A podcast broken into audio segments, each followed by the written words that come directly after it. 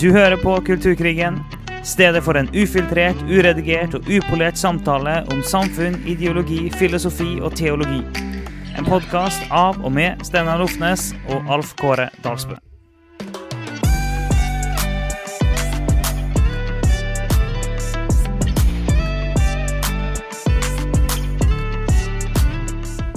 Ok. Yes. Det er Vi eh, vi skal nå få prøvd oss litt i dag. Det, eh, nå skal vi ha, sitte to menn, to mørke menn, og diskutere noe som eh, bare menn kan snakke om. Vi skal snakke om eh, feminismen, og noen vil jo si at eh, det er feil i seg sjøl at to menn skal snakke om feminisme, men vi går ikke med på de premissene. Så sånn er det. Ja. Så det skal vi gjøre. Sist, ja. Sist gang vi tok opp, så var du syk. I dag har jeg noe så gammeldags som korona. Mm. Eh, Det er jo veldig 2020, men, eh, men kulturkrigen går videre, og vi må, vi må slippe nye episoder. Det, det må vi. Sykdom stopper oss ikke. Eh, Men OK. Feminisme. Vi har jo nevnt det flere ganger i flere episoder at det, må vi ta en episode om etter hvert. Det blir nok sannsynligvis mer enn én episode. Vi skal prøve å legge litt av det historiske bakteppet og forklare det litt sånn overordna hva feminisme er for noe. Så, vi, så mener vi at Bibelen har noe å fortelle oss på det her òg. Men vi, vi, vi har nok en følelse av at vi ikke klarer alt det på én episode. Yes. Og um, som så mange andre ting vi snakker om i denne podkasten, så er jo dette knyttet veldig til den kulturelle revolusjonen som startet på slutten av 60-tallet, og det som har skjedd de siste 50-60 årene. Feminismen har jo eh, røtter lengre tilbake enn det, eh, men det er på en måte hovedsakelig fra da av. Eh, det kom en bevegelse som kan du si krasjer mer med kristen tro eh, krasjer mer med et kristent verdensbilde. Så du kan jo begynne litt med, med disse definisjonene av hva feminisme er for noe. Da. Ja, prøve å liksom forklare litt sånn kort hva, hva er feminisme. Skal prøve å forklare på en måte som vi tror de fleste kan enes om. Eh, At eh, feminisme er en felles betegnelse for ideologi og idétradisjon, etikk, politikk, eh, forskning, som, som primært handler om kvinnefrigjøring. Det handler om frihet og likestilling og rettferdighet for alle, men primært kvinnefrigjøring. Og selve ordet feminisme det kommer opprinnelig fra det latinske ordet feminia, som betyr kvinne. Og feminisme ble eh, en utbredt eh, betegnelse på eh, den nye retninga som kvinnekampen tok på 60- og 70-tallet. Vi, vi trekker jo ofte linjene tilbake til slutten av 60-tallet. Og feminisme sånn som vi kjenner det i dag, kan òg trekkes tilbake til den tida der. Og det er, det er en, eh, en kritisk ideologi som kan legges til grunn for politisk handling. Og målet er jo da å endre den skeive maktfordelinga mellom kjønnene. Og for, for noen så får det utslag i kjønnskamp, for andre ikke. Og mye sånne ting skal vi, som det her skal vi gå inn i. Både det, det, det som kalles de ulike bølgene av feminisme, og ulike greiner av feminisme. Ja, så da kan vi jo kan begynne med den første bølgen av feminisme. Og eh, den er jo en slags samlebetegnelse av, av eh, kampen for kvinners rettigheter, som egentlig begynte på 1700-tallet og gikk utover gjennom 1800-tallet og ut på 1900-tallet. Eh, det var hovedsakelig det vi kaller en liberal feminisme, altså kvinnekamp basert på det liberale prinsippet om individers, altså individets rett, eller eh, at hvert eneste menneske har visse rettigheter. Um, og dette var jo et prinsipp som ble kjempet for i både den franske revolusjonen, i fremveksten av liberalismen som ideologi, og, eh, eh, og den amerikanske revolusjonen, og, og de forskjellige grunnlovene som kom rundt omkring. Eh, der dette her med enkeltmenneskets verdi og rettigheter ble ja, utkrystallisert mye. Så dette er en del av hva du sier, liberalismen, og det preger på en måte hele den vestlige verden um, fortsatt. Men så var det jo enkelte ting som enkelte grupper, da, f.eks. svartes rettigheter. Martin Luther King for eksempel, kjempet jo på en sånn liberalt grunnlag da, av at hvis enkeltmennesket har si, samme verdi, altså alle mennesker har samme verdi og da samme rettigheter, eh, hvorfor har da ikke svarte, f.eks. på begynnelsen av 60-tallet, samme rettigheter som de hvite? På samme måte kjempet man på det, sånn, det liberale grunnlaget kjempet man for kvinners rettigheter. Etter hvert ble det eh, adelen avskaffet eh, i forskjellige land, og eh, demokratiet vant fram, og ytringsfrihet og sånne ting. Men så var det likevel mange skeivheter i lovene. Um, og mange steder hadde, eller egentlig alle steder, hadde ikke kvinner stemmerett, for eksempel. Så da ble det kjempet for, for like rettigheter på for, forskjellige områder av samfunnet. Det var hovedsakelig formelle juridiske rettigheter i samfunnet og kampen om stemmerett var en, noe av det aller viktigste. Og i Norge så fikk kvinner stemmerett i 1913. Det er altså ikke så lenge siden, det er bare litt over 100 år siden. Um, så det, hele den kampen der ble sett på som den første bølgen av feminisme.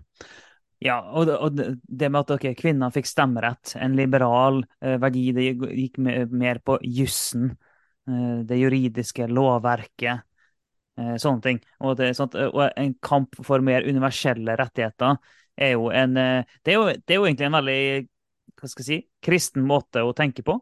Eh, universelle rettigheter. For det, det er det universet skaper som har skapt oss alle, alle. Eh, og han elsker oss alle like høyt. Eh, så det å jobbe for universelle rettigheter er egentlig en ganske kristen måte å tenke på. Ja, så så vi skal jo en gang seinere, vi henviser alltid til fremtidige episoder, men det er jo for å slippe å gå ned i alle ideologier hele tiden, men vi porsjonerer litt utover. Men vi skal gå litt nærmere inn i, film, inn i liberalisme seinere. Uh, men, men, liberalismen har jo noen ting som gjerne krasjer med en kristen forståelse, men det er veldig mange ting som er likt òg. Um, og, og den krasjer på ingen måte like mye med kristendom som eksempel marxismen. Mm. Uh, og derfor er det disse liberale kampene eh, er det ganske lett å støtte som en kristen, fordi at de er basert på likeverdet.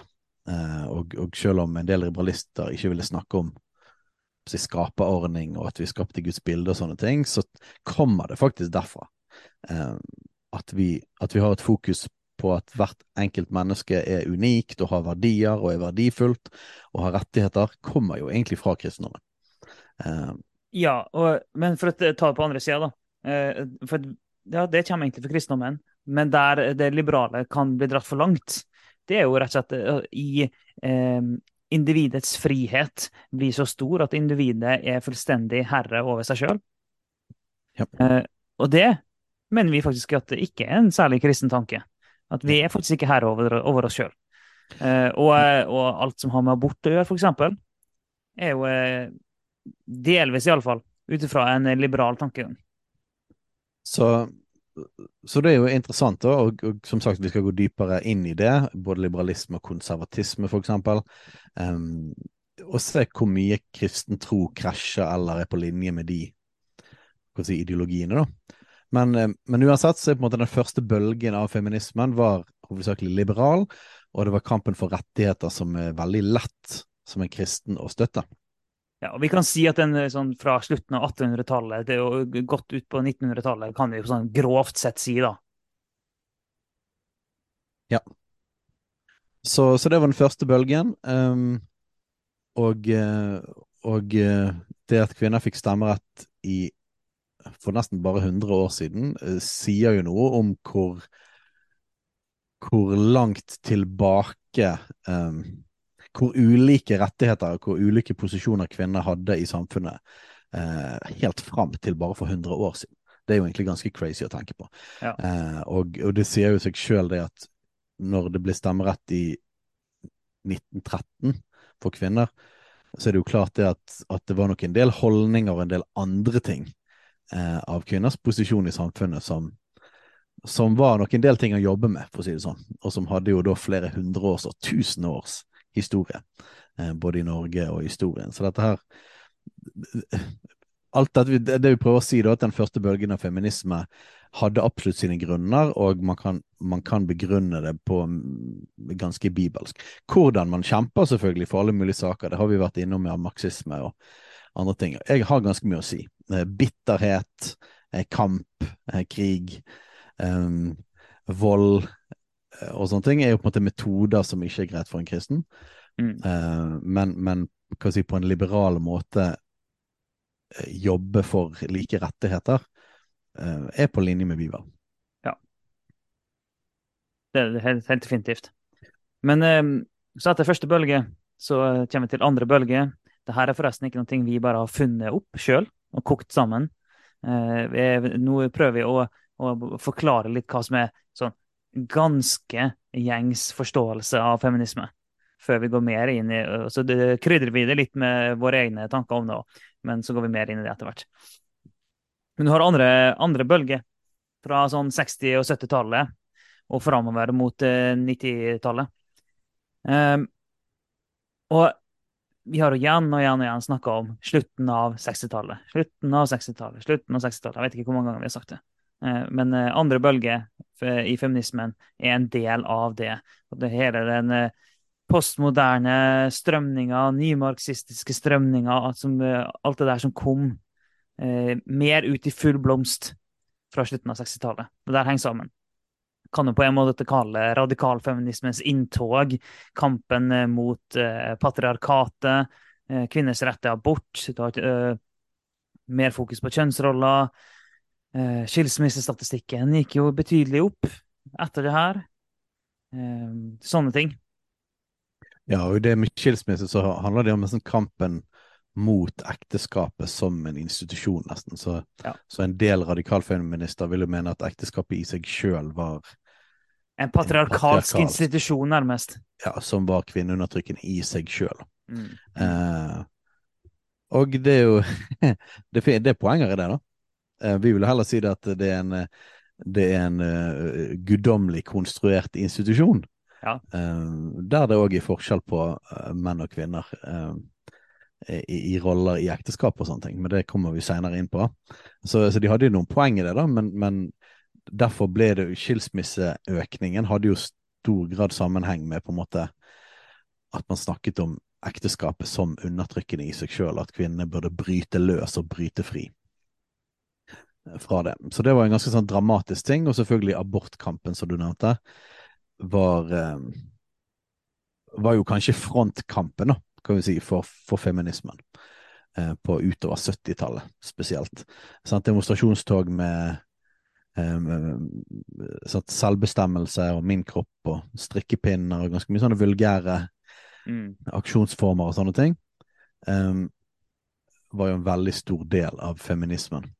Um, og dette her med kjønnsroller at kvinner ikke da bare skulle typ være på kjøkkenet eller på en måte hjemme og ta seg av barn, men kvinner ute i arbeidslivet, men liksom kvinner som da sjef over sitt eget liv, da, og ikke på en måte avhengig av mannen, eller måtte være koblet inn i en kjernefamilie. Ja, og det kan godt være at det her er den feminismen som mange kjenner mest igjen. Fordi at du har abortkampen. Kan, kan, kanskje, litt grovt forenkla, kan vi dele opp i tre. Ved å si abortkampen, eh, kampen mot kjønnsroller, eh, stereotypier, og eh, kampen mot det såkalte patriarkatet. Så det er en egen diskusjon om hva er patriarkatet osv. Men, eh, men de tre delene kan vi kanskje forenkla eh, sagt si at det er. Ja. Um, og du kan si den bølgen er jo på en måte det som på mange måter vil jeg si at det er det vi fortsatt er i, men så har det kommet nye kan si, varianter av dette da, eh, siden det. Så hvis du zoomer virkelig langt ut, så var jo på en måte den første bølgen 1700-, 1800- og 1900-tallet. Så Vi har liksom 200-300 år. Og så er det på en måte de neste bølgene, så uh, snakker vi om 60 år. Uh, så kanskje vi kan si at det er forskjellige deler av én bølge, kanskje. Uh, men det er nå bare detaljer. Men vi bruker jo de ordene fordi det er det som blir brukt i dag. Og, og, og folk Det er jo noen som definerer seg sjøl som en sånn andrebølgefeminist osv. Så, videre. ja. så det, det, det er en terminologi som blir brukt. Uh, og i denne, denne, bølgen av feminisme var jo veldig koblet på den seksuelle revolusjonen. uh, og veldig drevet fram av det som er kalt the baby boomers, altså den generasjonen som vokste opp i Vesten i USA, men det gjelder ofte i Norge, uh, etter den andre verdenskrig. Det var jo en veldig boom av masse barn i hele Vesten etter den andre verdenskrig. Eh, og den generasjonen som vokste opp i fred, eller i den kalde krigen for så vidt, men, men i stor økonomisk eh, velstandsøkning og økte rettigheter, det var en egen generasjon. Ble, den generasjonen blir jo ofte kalt 68-erne ja. eh, i, i, Norge. Eh, og de, som, de kvinnene som sto i front her, var jo primært kan du si, middelklasse hvite kvinner. Uh, og det var de som på en måte sto i fronten i denne her kvinnekampen på den tiden. Uh, på 60-70-tallet og videre. Men når vi kommer over til 90-tallet, 2000-tallet, så kommer det altså en ny bølge av feminisme. Og uh, den er preget av noe som kalles interseksjonalitet det er et ord som vi skal ha en egen episode på, og som jeg syns vi bør lære. Ja. Eh, for det, det, er blitt, eh, det er blitt en veldig så stor del av måten man skal forstå tilværelsen eh, i nåtiden. Mange tenker eh, interseksjonalistisk uten at de er klar over det. Ja. Så begrepet interseksjonalitet eh, det handler om på en måte forskjellige lag av undertrykkelse. Eh, at ikke du, som, du, er bare undertrykket som kvinne, men det var jo, dette kommer hovedsakelig ut fra svart feminisme eh, utover 80-tallet, 70-80-tallet, og ble liksom til en egen slags teori, da. Eh, helt uh, mot slutten av 80-tallet. Og det For en svart kvinne så handlet det mye om at vi er ikke bare undertrykket som svarte eller som kvinner, men vi har en slags dobbel undertrykkelse. Um, ja, vi, vi, kan, vi, kan, vi, kan, egentlig bare bruke det der som et eksempel. Eh, for det, det, var, det var det eksempelet som var brukt originalt, med at eh, en dame som ville jobbe på eh, en eller annen plass, eh, men så fikk hun ikke jobben. Og så var det brukt som et eksempel om at eh, nei, hun fikk ikke jobben fordi hun var eh, dame. Det var anklagen. Men så gikk de inn og sa ja, men det er jo andre damer som jobber her, så det kan umulig være det at hun er kvinne som er problemet. Nei, men hun fikk ikke jobben fordi at hun er svart. Så gikk de inn. Ja, men eh, det er jo svarte som jobber her, så det kan ikke være det som er problemet. Og så gikk de, men så var det sånn Nei, men hun fikk ikke jobben fordi at hun er svart kvinne. Og så er poenget det at uh, intersection er jo egentlig bare et engelsk ord for veikryss, er det vel. Og Poenget var at du kunne blitt, uh, på samme måte som du kan bli truffet av en bil i et kryss fra to sider, så kan du bli truffet av diskriminering fra to sider eller flere sider. da. Og en svart kvinne kan bli diskriminert både fordi at hun er svart, og fordi hun er kvinne. Det er på en måte interseksjonalitet beskrevet veldig, veldig fort. Ja, og det er på en måte Tanken blir jo da at det ikke bare da blir én pluss én er to, men at det blir på en måte litt sånn der Det, det, det, det forsterker seg, da. Så jo flere sånne ledd av diskriminering man har, jo mer eh, undertrykt er man. Og, og et begrep som er blitt ganske vanlig i Vesten, som egentlig betegner interseksjonell tankegang er jo dette med hvit mann over 40, eller hvit heterofil mann over 40, som er da beskrivelsen på de som er i helt motsatt skala. Eh, av altså de som er minst undertrykt, eller de som er måtte, da på toppen av maktpyramiden. Mens jo flere nivåer av eh, minoritet du er, eh, jo lenger ned i denne maktpyramiden havner man.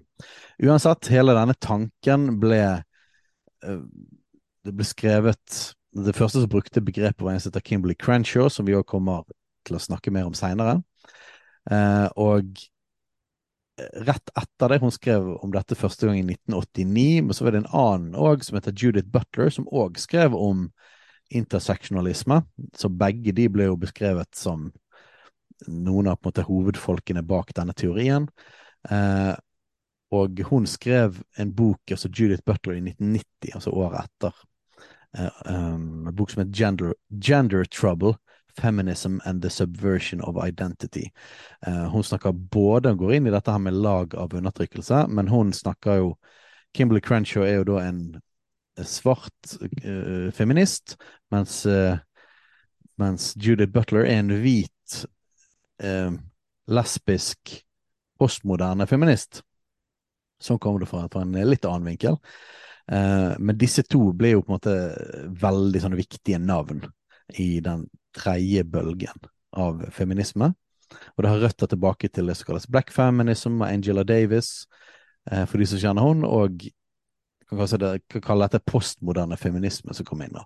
I, hele i, hele, I det hele tatt var denne bølgen en, en reaksjon på liksom den hvite middelklassekvinnefeminismen eh, som var dominerende på 60-70-tallet, eh, og, og, dette her med queer theory, altså skeiv teori, og LG, LGBT eh, og så videre. Og Q, ikke minst, da. Q-en er jo queer. Eh, de teoriene inn i hele den i, Koble det inn i den feministiske tankegangen. Ja, og uh, Judith Butler, hun um, uh, har tung innflytelse på hele den postmoderne tankegangen vi kjenner igjen i dag tanken om at kjønn er sosialt konstruert, eh, er tungt influert av henne. At vi ikke bare er biologisk kjønn, men vi er sosialt kjønn, argumenterte hun for. Hun, hun snakka om at vi hun, Hvis jeg husker riktig, så er det på det engelske uttrykket sånn performative gender, eller et eller annet sånt. Um, og Poenget hennes var det at vi, vi uttrykte kjønn, sånn sosiale kjønn. Vi uttrykte kjønn, og det, det, det kjønnet vi, vi, vi, føler at vi er, det er bare å referere tilbake til episodene om postmodernisme. Men mange, mye av det tankegodset eh, har, har, kommet fra Judith Butler. Så hun er, hun er, et viktig navn å merke seg i, eh, i ja. denne diskusjonen. Så hvis vi tar på en måte postmodernismens fedre, da, hvis, det, hvis du kan si at det er kanskje primært Jack Jacques Derrida og um, Michel, ja, Michel Foucault. Foucault ja. Foucault dag, eh, så er på en måte den som tok det mye videre, som blir referert veldig mye til nå for tiden, er Judith Butler. Ja. Og som er da den som tok postmodernismen inn i en slags en ny, en ny tid, da. Eh, og dette med kjønnsforskning det, det, er vel knapt en kjønnsforsker som ikke siterer Judith Butler eh, i sine det de jobber med. Ja, og hver gang det er snakk om uh, ting som er sosialt konstruert, så bare henviser vi til at uh, vi tror på guddommelig konstruksjon, ikke sosial konstruksjon. Vi tror at Gud har skapt rammer og verden for oss. Og at det, ikke, det, det, er ikke vi som skaper rammene. Det er sånn vi hele tida går tilbake til når vi toucher det postmodernistiske tankegodset, der ting er konstruert av oss mennesker, sosialt konstruert. Men det er jo den tredje bølgen, kort oppsummert. Og så er det noen som eh, Det er litt sånn uenighet da, om det, om det er en fjerde bølge eller ikke. Uh, vi syns det er hensiktsmessig å snakke som om at det er en fjerde bølge, selv om det ting begynner å komme veldig tett i tid her. Syns vi likevel det er hensiktsmessig å, å, snakke om en fjerde bølge innenfor feminismen. Og den ligner mye på den tredje bølgen. Den har med seg veldig mye av det, det med postmodernisme og interseksjonalitet. Og jeg kan bare si det, da. Interseksjonalitet er jo egentlig en sånn dypt nymarxistisk tanke. Bare så det er sagt for dere som husker eh, episoden vår om nymarxisme. Men den fjerde bølgen sånn den tok interseksjonalisme og postmodernisme, bare enda videre. Og hadde mer fokus på arbeidsplassen, mer fokus på representasjon av kjønn og alle mulige identiteter. Metoo er en del av den bølgen. Mer internettaktivisme. LHBTQ pluss woke feminisme, som vi kan kalle det. En sånn helt sånn salig blanding her. Full pakke. Men det vi eh, tenker da, er at ok, den tredje bølgen med postmodernisme og interseksjonalisme, og så har ting bare kommet ut mer i full blomst. Og alt som har med pride å gjøre, har kommet mer ut i full blomst. Og at det kan vi, vi synes det er hensiktsmessig å definere det som en fjerde bølge innenfor feminismen. Ja, vi kan se det f.eks. på eh, de interne diskusjonene i kvinnebevegelsen rundt 8. mars, 8. mars eh, de siste årene, så ser du at, at, disse tingene her er en veldig stor del av den indre kampen.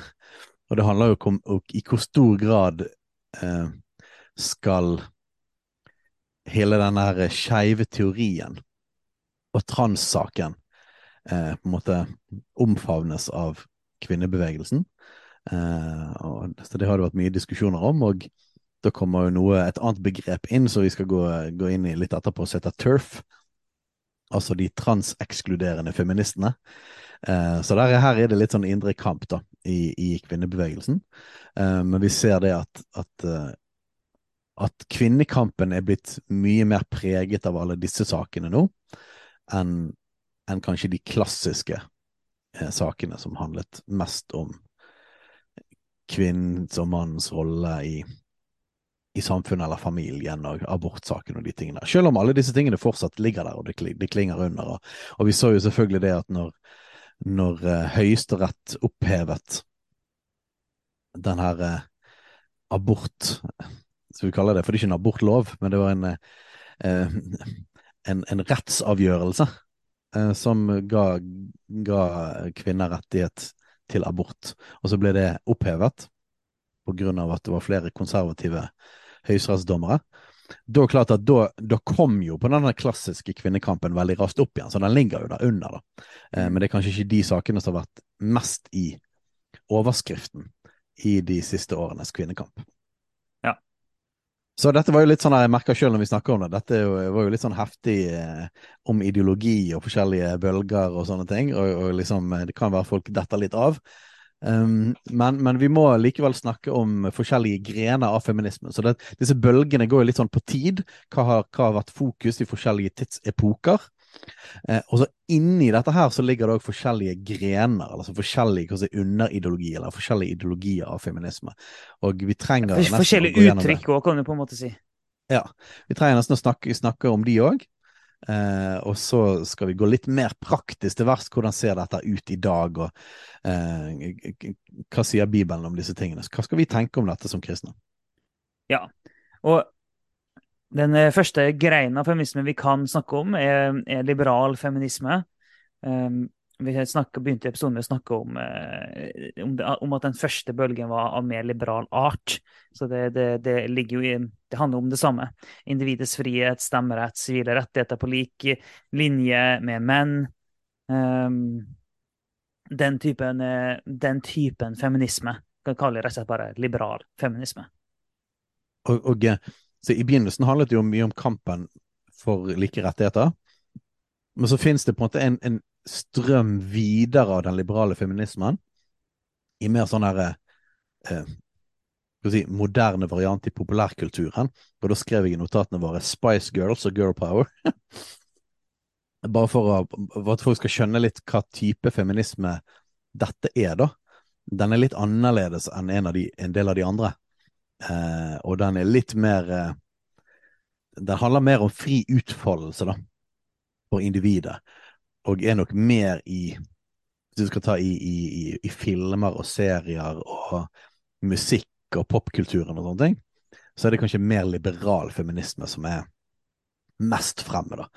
At du kan godt vise kropp og pupper, liksom, men samtidig er du sterk og uavhengig. og Du kan godt være seksualisert, men det er på en måte um, Det er litt mer, mer det vises mer som at måte, kvinnen på en måte eier sin egen seksualitet. Man er på en måte ikke under mannen, men man på en måte er et seksuelt vesen på egen hånd. Jeg tror folk kjenner det igjen hvis du ser liksom, musikkvideoer og sånne ting. og Uh, enten det er hiphop-ting eller de, de, Ofte så er det jo sånn eh, skal du si, feministiske tekster, da. Men det er ikke, ikke radikal feminisme, det er ikke marxistisk feminisme, det er ikke postmoderne, det er ikke disse andre tingene. Det er, en, det er litt sånn egen greie. Så bare se for dere Spice Girls og, som snakket om girl power. Uh, men kan, vi kan også si at det er mer individualistisk feminisme, i den forstand at det handler om eh, den enkelte kvinnes rettigheter, den enkelte kvinnes frihet, den enkelte kvinnes mulighet til å gjøre sånn som hun ønsker med sitt liv. Um, og så legger den, legger den det juridiske eh, fundamentet for det, da, og jobbe med å få juridiske ting på plass for at kvinnen skal kunne leve sitt liv sånn som hun ønsker. Og om det da er stemmerett eller andre typer ting, og så fjerne sånne juridiske begrensninger. Det er mer den liberale feminismen. Men eh, andre typer feminisme som vi skal gå inn på, tenker jo mer at ok, det handler ikke om kvinnens eh, individuelle frihet. Det handler om det er en kamp mot et helt system som undertrykker kvinnen, f.eks. Ja, så liberal feminisme har jo da naturlig nok mer, eh, mer støtte på høyresiden i politikken. Enten det er for liberale partier som, som, Venstre, eller det er over i både partiet Høyre eller Frp eller den siden. Uh, og der kan man jo argumentere f.eks. for, for uh, at det skal være greit med prostitusjon, at, uh, at det skal være greit med porno, fordi at det handler om altså, Hvis kvinnen vil, så må hun få lov, er tanken. Ja. så på høyresiden av på en måte politikken jeg, jeg, tror du, du kan si det om I norsk politikk nå så er feminismen ganske kraftig helt fra høyre til venstre. Det er bare at nå er det spørsmål hva type feminisme eh, det er snakk om, og på høyresiden av politikken så er det på en måte mer liberal feminisme. Um, og så må vi jo snakke om marxistisk feminisme, da. Eller Sosialist, sosialistisk. Ja, sosialistisk feminisme er det kanskje flere som bruker, men vi syns egentlig det er mer hensiktsmessig å kalle det marxistisk feminisme. Ja, så Og da Vi har jo snakket litt om marxismen og sånne ting, og da, det er jo det at alt, alt kommer fra kapitalismen. Altså på en måte Marx tenkte, og sosialismen tenker veldig i systemer at undertrykkelse kommer fra systemet vi er i. Så det er altså liberalistisk feminisme, liberal feminisme, tenker individet, individets frihet. Men marxistisk eller sosialistisk, da tenker man at, at det er et system som skaper undertrykkelse. Og, og når det er marxistisk, så er det jo kapitalismen som er den store, stygge ulven. Det er der det egentlig kommer fra. Eh, og de vil si sånne ting som at kjønnskamp er klassekamp. Det er en typisk sånn marxistisk, feministisk parole.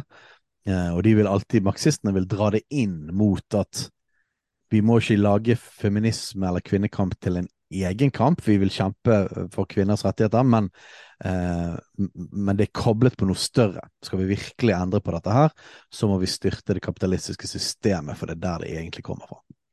Så i marxistisk feminisme så er det mer en underkategori av marxismen enn det er en egen frittstående måte, kamp, sånn sett. Eh, sånn, så, og det at okay, kjønnskamp er klassekamp. Så det er først og fremst klassekamp, deretter kjønnskamp. Ja. Og så er det jo det at hele tatt at det fins en marxistisk feminisme, er jo da egentlig en konsekvens av nymarxismen òg, fordi at det var først med nymarxismen og Marcuse og de det var lov til å på en måte ha egne sånne underkamper. ja, det er sant. Det er sant. Før det så var det på en måte Nei, alt må, alt må kobles i arbeiderne skal forenes. Eh, og man skal ikke kjempe egne sånne ting. Men nymarxismens framtog på, på 60-70-tallet gjorde jo på en måte det at marxistiske feminister òg fikk sin egen stemme. Men de, de kobler det alltid inn mot den større kampen mot kapitalismen likevel. Og dette ser vi i dag, om du om man går på 8. mars-greier, eller vil du gå inn på de forskjellige sosialistiske partiene, så ser du at denne måten å tenke på, de hele tiden kobler det inn mot kapitalismen. Ja, Uh, og du sa det med nymarxisme. Egentlig så er jo de fleste greiene her vi snakker om, er jo egentlig eh, på mange måter en, uh, en, et resultat av nymarxisme og Marcuse. Kanskje ja. ikke liberal feminisme. Den skiller seg litt ut. Ja. Men marxistisk feminisme, og når vi skal snakke om radikal feminisme og svart feminisme og postmoderne feminisme, så hadde ikke det vært mulig uten nymarxisme. Ja. Og, og nå, sånn, nå, står vi i fare for å snakke litt vel i sånne kategorier her. Så la oss, eh, la oss ta noen, si kjapt hvorfor vi sier det. da. For hva mener vi egentlig når vi sier snakker om nymarxisme inn i denne konteksten? Ja, sant. For de som uh, ikke henger med, eller ikke har hørt episoden om nymarxisme, så kan vi jo si at den klassiske marxismen handlet om arbeidere. Kampen mellom arbeidere og borgerlige. Og, eh, og da har det handlet alt om en revolusjon eller en samfunnsendring der, der arbeiderne eller underklassen fikk, fikk rettigheter og tok makten. Mens nymarxismen eh, endret det til at eh, til å fokusere på forskjellige marginaliserte grupper. Eh, så at det ikke bare da er arbeiderklassen som er fokuset, men at, eh, men at kampen for f.eks. homofiles rettigheter, eller kampen for kvinners rettigheter, eller kampen for um, etniske minoriteters rettigheter. Eller svarte um, kvinners rettigheter, sier vi. skal svarte, si ja. ord om svart feminisme òg. Ja. Uh, så det er en del av nymarxismen. Den klassiske, klassiske marxismen ville, var faktisk imot at du skulle drive og kjempe masse sånne underkategorier eller enkeltkamper, for de mente at det splittet arbeiderklassen. Så det gjorde det at du ødela for revolusjonen. Ja, så der marxisme var mer økonomisk klassekamp. Så en, en, en, handler nymarxisme om at du bryter ned eh, samfunnet i masse undergrupper, identitetsgrupper, og at det er de her identitetsgruppene som kjemper. Ja, og at uh, nymarxistene ville tenke sånn som Marcus og sånn, ville tenke at det var en eh, det lå et revolusjonært potensial der, fordi at arbeiderklassen hadde egentlig blitt nedsløvet gjennom uh, uh, sitatet fra han, egentlig uh, Bear and Color TV. Ja. Så på en måte litt sånn underholdning, da, og materialisme. Så gjennom at arbeiderklassen fikk bedre rettigheter og hadde det bedre materielt, så ble de på en måte nedsløvet, og det revolusjonære potensialet forsvant. Eh, så da brøt de egentlig med Marx. Eh, for Marx mente det at dette her kom til å skje av seg sjøl. Det kom til å bli verre og verre og verre for arbeiderne, men så viste det seg at det motsatte skjedde. Eh, så dette blir en slags nymarxistisk teori da, om at eh, la oss nå satse på de marginaliserte gruppene, for der ligger det revolusjonære potensialet. Så, Mm. så derfor er på en måte hele denne greien på slutten av 60-tallet utover 70-tallet er veldig koblet på nymarxismen, og, og så har du den postmoderne strøm under òg. Og så, sånn som vi ser det, så blir disse to strømmene koblet inn i det som vi er dagens kulturkrig. Vi må bare komme oss videre. Det, altså, jeg, jeg, jeg, Jeg er ganske sikker på at det, vi, vi, vi klarer ikke alt på én episode i dag. Det gjør vi ikke. Nei, det gjør vi ikke. Men jeg, jeg merker jo det òg, bare for å snakke litt om det, da, at, at eh, det er jo forskjellig fra forskjellige episoder her. Noen ganger så går vi veldig inn i mer sånn dagsaktuelle ting. Uh, mens nå merker jeg at i dag så er vi mye mer inn i ideologien og forklarer det og sånne ting. Og det tenker jeg det, det er helt greit. Det, vi føler det må til akkurat nå. Så, så folk får bare henge med det de kan. Og så kommer vi til det mer praktiske etter hvert. Det, det gjør vi. Og eh, nå har vi nevnt eh, liberal feminisme, marxistisk feminisme. Og så har vi radikalfeminisme. Det er jo en sånn, en sånn grein. Det handler jo om en sosial revolusjon mot patriarkatet. Det er jo en kamp mot det undertrykkende systemet eh, av, det, og patriarkatet. Det, det er jo eh, Den enkleste definisjonen på det er vel bare at det er et eh, mannestyre. Et mannsdominert samfunn. Så hvis det hadde vært et matriarkat, så hadde det vært et kvinnedominert samfunn. Men hvis det er et patriarkat, så er det et mannsdominert samfunn. Så det er kampen mot eh, det mannsdominerte samfunnet da, som eh, kjennetegner radikalfeministene. Kvinnegruppa Ottar de, definerte seg sjøl som radikalfeminister, f.eks. Ja, og eh, jeg vet ikke hvor mye dere har hørt dette begrepet patriarkatet, men det Jeg tror, jeg tror det er en egen podkast som heter Knus patriarkatet. Jeg er ikke helt sikker, men jeg mener jeg har sett det et sted. Det er det helt sikkert. Um, og så er det jo en sannhet da at, at, at menn har hatt, og fortsatt har, prosentmessig, mest ledende roller i samfunnet. Og liksom sånn klassiske patriarkat er jo um, Hvis du ser tilbake til eksempel sånne Israels stamfedre, Abraham, Isak og Jakob, sant? der du hadde familier, klaner, som var ledet av en mann med på en måte, sine barn, sine sønner under det igjen, og så barna deres under det igjen. og på en måte eh, Så en del stammesamfunn er jo på en måte helt sånn hva du si, konkret og praktisk, er patriarkalske. da. Eh, men så blir dette dratt dratt over en større sammenheng i radikalfeminismen, der de mener egentlig at hele samfunnet, og det vestlige samfunnet, er egentlig et patriarkat. Og igjen så kommer eh, sånne begreper som hvite menn over 40 eller 50. Mm. Eh, De, har, de har dominansen.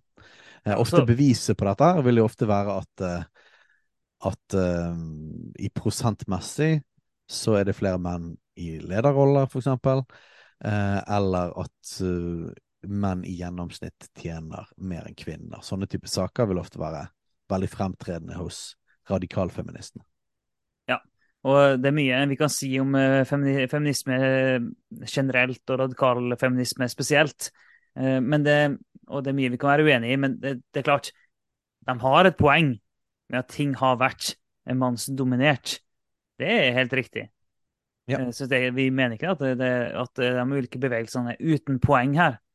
Altså, men, det, men vi mener jo da at eh, i, i kampen mot det såkalte patriarkatet, så går den gjerne altfor langt.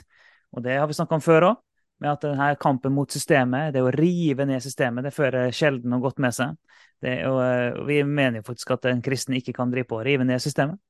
Det er ikke det sånn vi er kalt til å leve og kalt til å jobbe for forandring.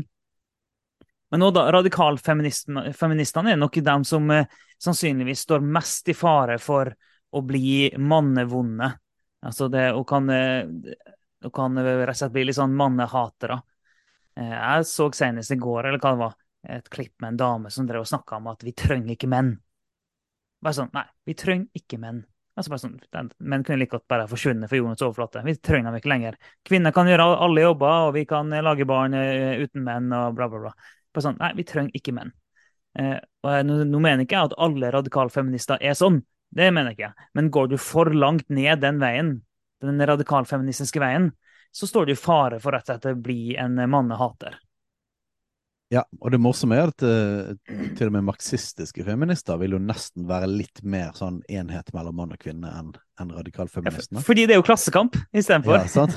Så de vil dra det over i at nei, det er menn og kvinner, det er på en måte de undertrykte i helhet, mm. eller det er på en måte arbeiderklassen, og det er da både menn og kvinner. Og, og fienden er ikke mannen, fienden er kapitalismen. Fienden er et et, et, system som er på en måte utover mann og kvinne. Da. Mens radikalfeministene setter på en måte mannen som fienden, nesten.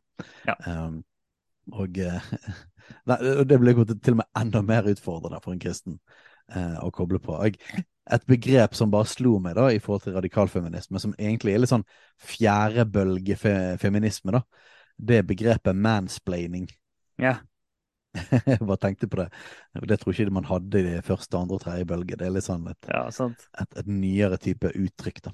Mm. Men, uh, men, men, ja, et veldig kritisk blikk på mannen, og på en måte uh, der, der, marxistiske feminister vil, vil si at kjønnskamp er klassekamp. Uh, det egentlig handler det om klassekamp og kampen mot kapitalismen. Så vil radikalfeministene mer si det at kjønnskamp er kampen kampen for frihet er rett og slett mellom kjønnene. Ja. Så, har vi svart feminisme, da.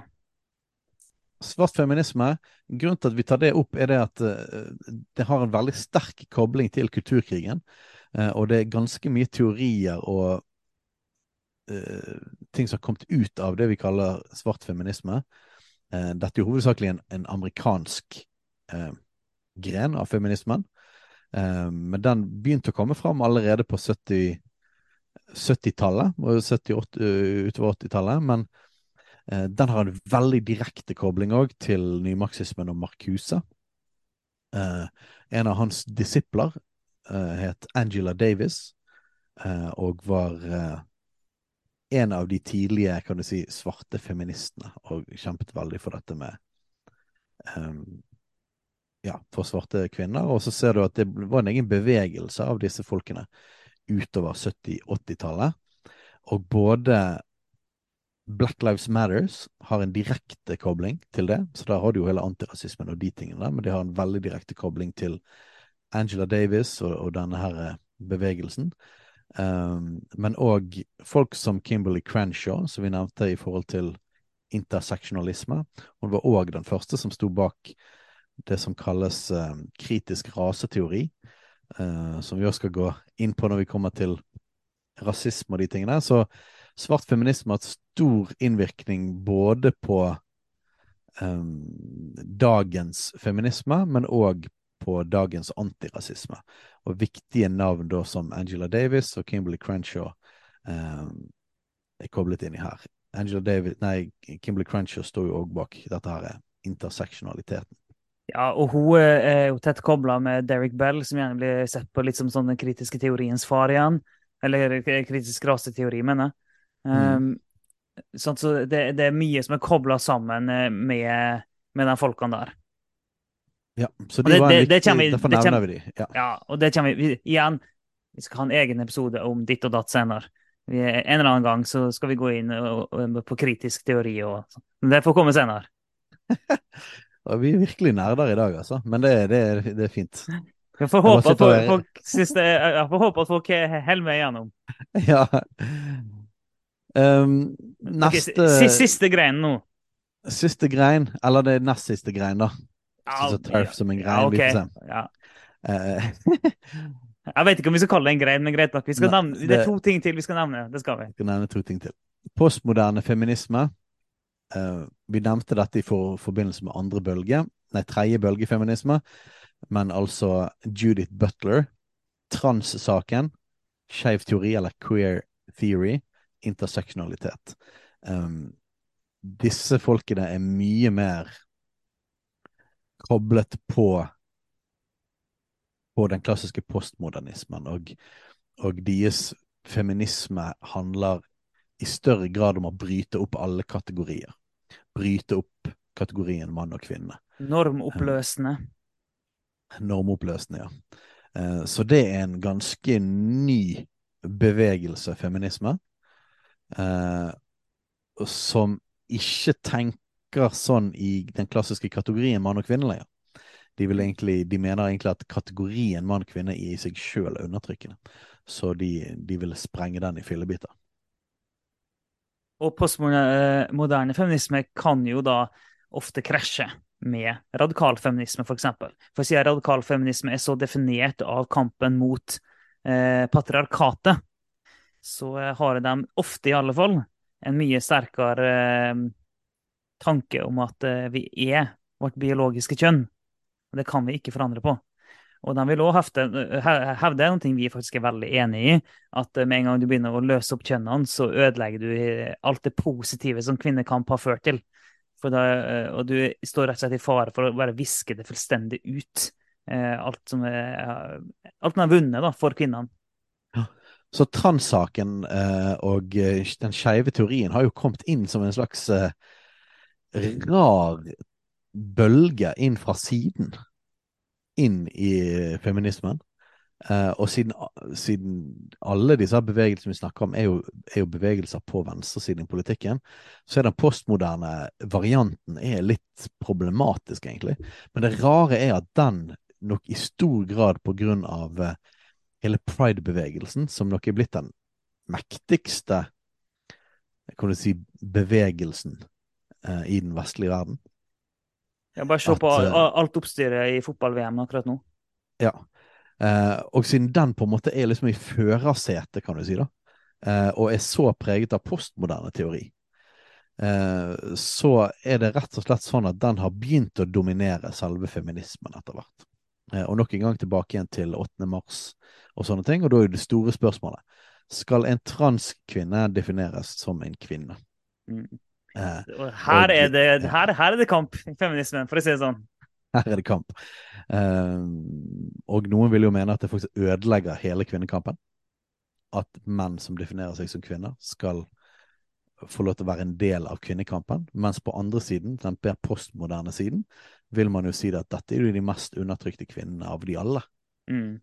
Uh, så her er det en, en borgerkrig som foregår per nå. Men det ser ut som den postmoderne feminismen har overtaket. Eh, og at mye på grunn av hele pride-bevegelsen, så, så, Ja, så vinner den over, da, kan du si. Eh, den mer klassiske ja. feminismen. Ja, og, og, selv om vi på veldig mange punkter da ikke er enige med radikalfeministene, så finner vi et, sånn artig, en liten artig allianse akkurat der pga. koblinga til at vi står ganske tydelig på at det finnes eh, to kjønn, bare to kjønn. Vi er, vi er det kjønnet vi er født som. Så det, det er litt artig, da. Det er ikke ofte at det finnes en allianse der, men akkurat på det punktet her så gjør det det. Og Derfor må vi ta inn dette begrepet som er viktig egentlig for folk å, å lære seg. For det preger allerede Norge, selv om det ikke er blitt et veldig kjent begrep i Norge ennå. Men det er altså dette med turf-feminister.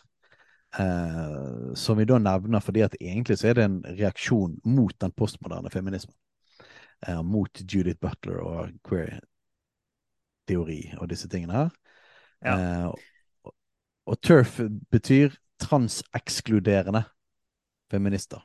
Ja, På engelsk er det faktisk Trans-exclusionary radical feminist. Ja, det eh, så, det, så, det, er jo kobla til radikal feminisme i det, engelske uttrykket der. Eh, så, så, da er det sånn Og godeste oh, Hva heter hun, forfatteren av Harry Potter? Rowling. Ja, JK Rowling. Hun, når hun ikke ville anerkjenne eh, eller hun gikk ut da mot at den, eh, at den eh, brukte folk som menstruerer, eh, istedenfor å si kvinne. For en kan ikke si kvinne, for det diskriminerer alle menn som vil at de vil være kvinner. Eh, så hun gikk imot det da, og sa at det er bare kvinner som, det er bare kvinner som er kvinner, det er bare kvinner som menstruerer. Litt sånne ting. Eh, gikk hun ut mot, og da ble hun kalt Hun fikk jo en skikkelig sånn shitstorm mot seg. Men, og da ble hun kalt en turf fordi at og hun ble kalt eh, transfobisk og transekskluderende. Hun ble da kalt en transekskluderende radikalfeminist. Ja, så, så radikalfeminismen, som fikk altså sitt inntog på 60-70-tallet, er jo nå på en måte kommet i, i, i slags krig mot den nyere bølgen av postmoderne feminisme. Og det er en kulturkrig innenfor feminismen nå. Ja, det er det. Og det, dette er, kan være viktig, greit for folk å vite om, for at uh, for dette kan, dette kan være veldig forvirrende, da. Eh, at hvordan transsaken rett og slett vinner over den klassiske feminismen. Eh, og eh, man ser jo da på, si, hvem som er kraftigst, hvem som er den kraftigste bevegelsen, på, på, hvordan det går med de som blir definert som turf. Eh, JK Rowling ble jo da for eksempel da ikke invitert på eh, jubileumet for eh, Harry Potter. Fordi at ingen av, skuespillerne, ingen av skuespillerne og folkene ville ha noe med henne å gjøre lenger. Uh, og nå er jo hun hele greien bak Harry ja. Potter. Mm -hmm. Så hun fikk, til, hun fikk, ikke lov til å være der engang. Uh, så hun er blitt kastet ut til uh, ulvene fordi at hun er radikalfeminist, og da er imot at transkvinner er kvinner. Og vi, vi, vet jo egentlig ikke om hun egentlig er en radikalfeminist engang. Det eneste vi vet, er at hun mener at at eh, det er bare eh, kvinner som er kvinner. Altså det er, bare, det er bare den som er født kvinne, som er kvinne. Det er det hun mener. Ja. Så vi ser noen av disse her i, i, i Norge òg. Um, og så en del radikalfeminister er litt tydelig ute i trans-saken. Uh, vi hadde jo en sak noen uh, tidligere i høst eller sommer, eller hva. Og nå, uh, nå burde jeg selvfølgelig researche den før opptaket, for jeg husker ikke helt sånn nøyaktige detaljene på det og navnet til hun her. Men det, det er en norsk feminist som ble anmeldt av en ansatt i FRI. fordi at hun hadde kalt den ansatte for han, eller noe sånt, tror jeg. og det her er jo da en, en mann som, som identifiserer seg som en kvinne. Så den personen her hadde da anmeldt feministen. Eh, det var cirka noe sånt, da. Og så, ble det jo avhør hos politiet osv., men det ble henlagt. Så vidt jeg har fått med meg. Hvis ikke det pågår fortsatt. Det er jeg faktisk ikke helt sikker på. Ja. Men det var iallfall en, um, det var en greie som gikk i media for en del måneder, måneder tilbake. Så denne turf-greia og clashen mellom eh, radikal feminisme og postmoderne feminisme, den, eh, den skjer i Norge òg. Ja. Um, så dette her var jo masse da, forklaringer, forskjellige retninger av ideologi og alt mulig sånn som det. Og du, hvis du ønsker å forstå dette bedre, så kan du bare høre det litt om igjen, eller søke litt på internett. Uh, men vi syns det er nyttig å forklare litt. For vi, hvis, hvis, vi kun hadde snakket om feminisme, og hva sier Bibelen om feminisme, så hadde det vært for bredt. Uh, og vi må rett og slett definere hva vi snakker om ja. uh, før vi kan gi bibelsk respons på de forskjellige tingene. For her er det altså forskjellige bibelske responser på for, forskjellige av disse her eh, Greinene, rett og slett. Mm, ja, det, det, det. Og, og, det er forskjellige konsekvenser av de forskjellige bølgene av feminisme. Mm. Eh, og, og, det er veldig viktig for kristne å holde sånn tungen rett i munnen når vi, når vi snakker om hva vi da tenker om feminisme, for det kommer helt an på hva vi snakker om. da. Så, men vi må snakke litt om konsekvensene av feminismen. Eh, og å legge på konsekvenser av den seksuelle revolusjonen, fordi at det er jo veldig koblet til det. Eh, vi har nevnt dette her med skilsmisse. Skilsmissestatistikken skjøt veldig fart eh, i den andre bølgen feminisme. Eh, og det ble koblet, altså ekteskapet ble også koblet på patriarkatet, eh, og at kvinnen ikke var fri. Og eh, Abortkampen er veldig, veldig tett koblet på feminismen. Eh, andre konsekvenser er jo òg dette med alenemødre. Det har blitt utrolig mye flere alenemødre eh, som en konsekvens av feminismen. Eh, videre det, det, konsekvenser av det. det ja. den, den, tror jeg faktisk du må forklare litt. Ja, det, det er jo egentlig veldig enkelt og greit at, uh, at kvinner er de som får barn. Uh, sånn at hvis hvis det er sånn at man kan ha sex med hvem man vil, eh, uten å være gift med dem, så betyr det òg at man gjerne får flere får barn mm. uten at man er gift, eller uten at det er en forpliktende relasjon mellom en mann og kvinne. Men siden kvinnen da er faktisk den som blir gravid, eh, og hvis man da ikke tar abort, så får man jo faktisk et barn som man sjøl må ta mm. seg av, uten at det er en far til stede.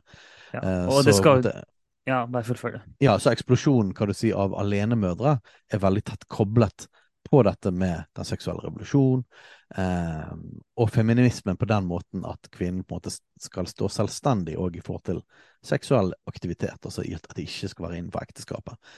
Eh, ja, og det, og det, her er jo kobla på, på, farløshet og feminisering av samfunnet, maskulinisering av kvinner, den type tingene der. Og, og når vi snakker om um, ok, det blir flere alenemødre, så sier vi jo ikke at eh, hva si, her, Vi fritar ikke mannen her. For det det. Eh, For at, ja, det er det, eh, det blir flere mm, alenemødre, for at noen har, naturligvis noen har sex med flere utenfor ekteskapet. Men det er òg et gigantisk problem med menn som ikke tar ansvar. Det får bli en egen episode, for det er en større ting. Og, og farløshet og sånn, det er en større ting. Og sånn. Men det er helt klart at her er det en hel haug av menn som ikke tar sitt ansvar. Bare sånn at det, 100%. det er, er sagt. Ja, jeg vil jo si det at, eh, at det er helt riktig at det er flere ledemødre pga. den seksuelle revolusjonen og pga. feminismen, men det er jo en utilsiktet konsekvens. Eh, noe av det handler om det at nei, vi trenger ikke en mann. Så den, på den måten kan du si at det er direkte Mm. koblet til, til en del feminisme.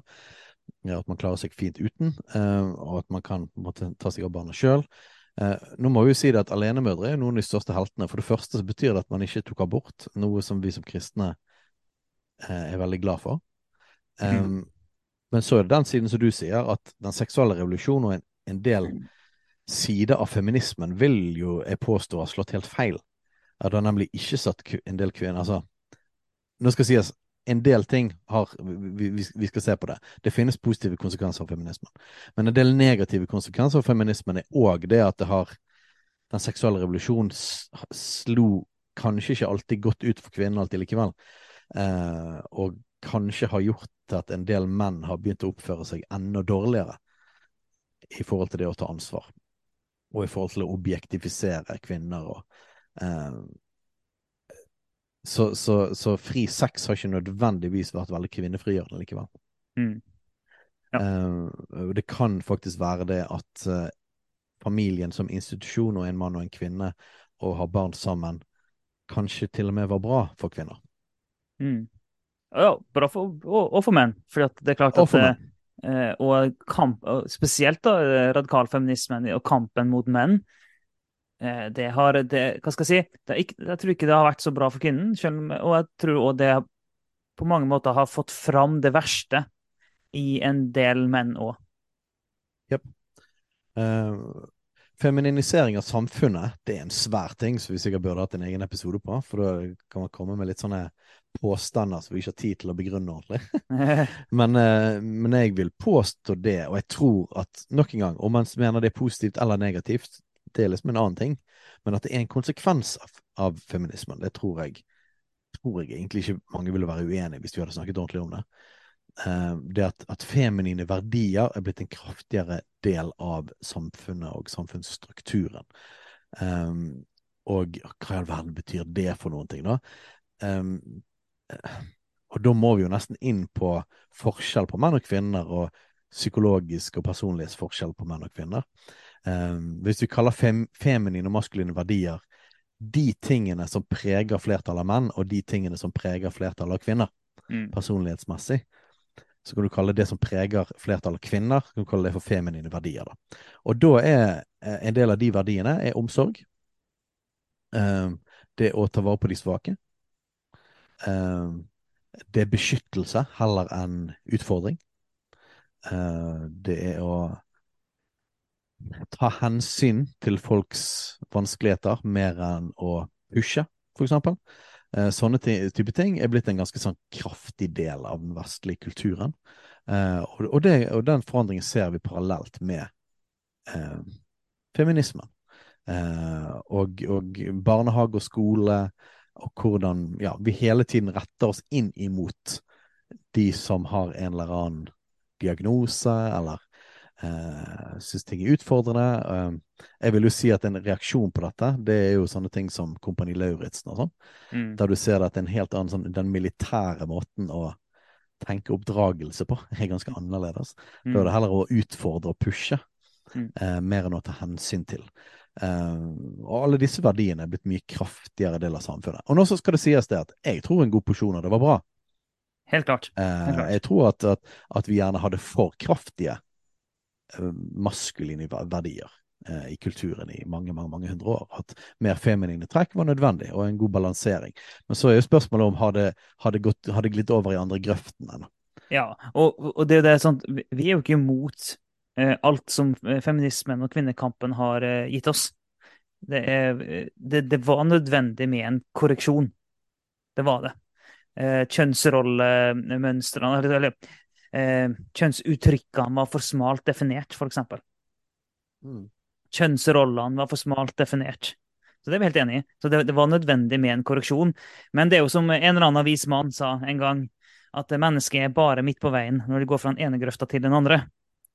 Så det er litt det som ofte skjer da, opp gjennom historiens løp, om at når en skal prøve seg på en korrigering, så er det så vanskelig å få til en samfunnsendring at en går ofte veldig hardt til verks. Sånn at, eh, og en har såpass mye trøkk og momentum at innen en har nådd midten av veien, så bare fortsetter en. Og så er en over i andre grøfta. Det skjer igjen og igjen. Og ikke bare med feminisme, det kan skje andre veien og på helt andre ting. Ja, altså Positive konsekvenser av, av feminismen og kvinnefrigjøring er jo da det er mer mangfold for personlighetsforskjeller. Eh, både for menn og kvinner, egentlig. Mm. Eh, men jeg tror jo, dette er min teori, jeg tror veldig mye av feminismen og aktivismen eh, ble drevet av kvinner som kanskje ikke passet helt innenfor eh, kjønnsrollemønsteret. Altså at det var en del kvinner som hadde kanskje kraftigere maskuline trekk, hadde, hadde flere sant? Og, og nå er det igjen sånn, hva er maskuline trekk, hva er det du snakker om? Nei, altså nok en gang, gjennomsnittlig, hvis du, hvis du tester på en måte forskjell på menn og kvinner, så er det visse ting som flertallet av kvinner eh, er preget av, og noen ting som flertallet av menn er preget av.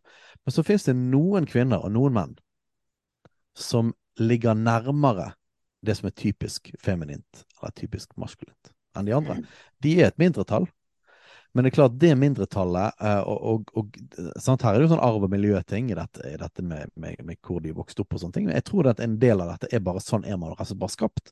Mm. Det finnes kraftige personlighetstrekk fra man er født.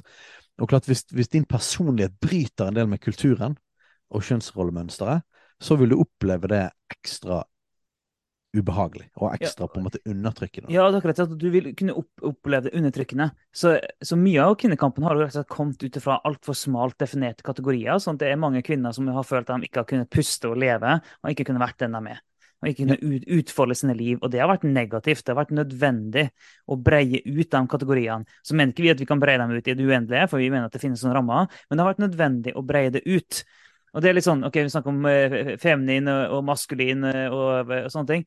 Så er det sånn, OK Flertallet Hvis du tar liksom uh, flertallet av ingeniørene, er menn. Det betyr ikke at kvinner ikke kan være ingeniører, men bare flertallet.